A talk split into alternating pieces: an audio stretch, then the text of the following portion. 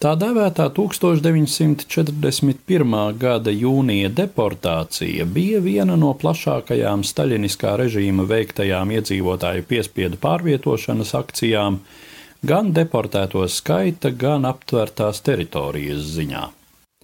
Deportācija skāra visas teritorijas, kuras Padomju Savienība bija sagrābusi Otrā pasaules kara sākuma posmā.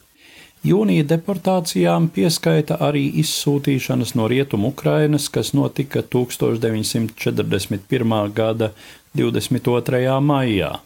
Tām sekoja deportācija no Moldāvijas naktī no 12. uz 13. jūniju, deportācijas no Igaunijas, Latvijas un Lietuvas 14. jūnijā un visbeidzot deportācija no Baltkrievijas rietumu apgabaliem naktī no 19. uz 20. jūniju.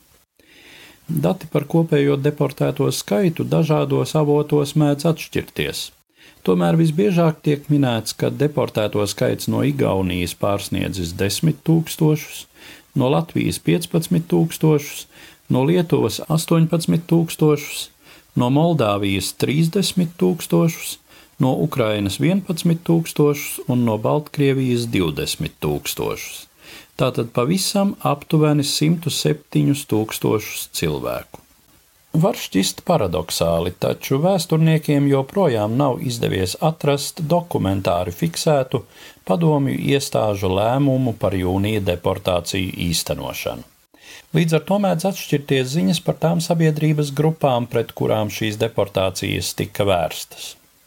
Kā nozīmīgākās izsūtāmo kategorijas tiek minēti pretpadomju partiju un organizāciju darbinieki, pie kam par pretpadomju varēja tikt uzskatīta jebkura nekomunistiska organizācija, bijušie žandarmi, policijas un cietumsardzes virsnieki, muižnieki, lieltirgotāji, fabrikanti, augstākie valsts ierēdņi un armijas virsnieki, Krievijas pilsoņu kara balto armiju virsnieki un brīvprātīgie, kā arī visu uzskaitīto personu kategoriju ģimenes locekļi.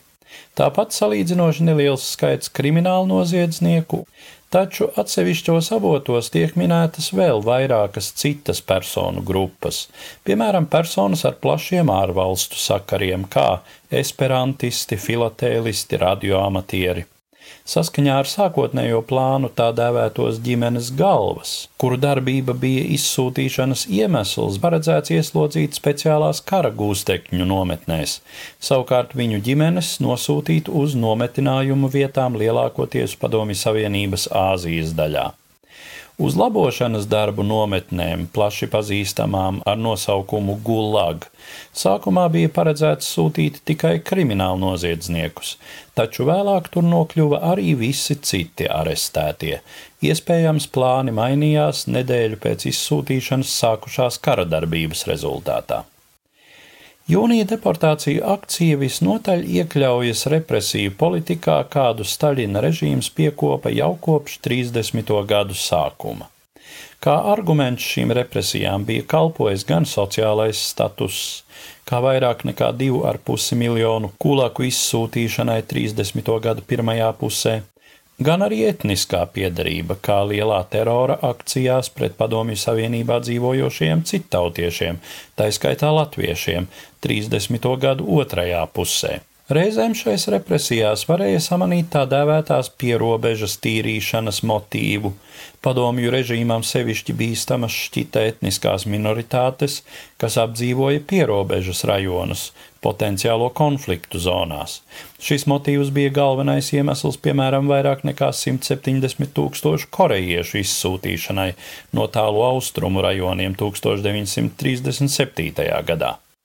Šajā sakarā tiek piesaukts 1941. gada vasarā jau nepārprotami briestošais Padomju Savienības un Vācijas konflikts.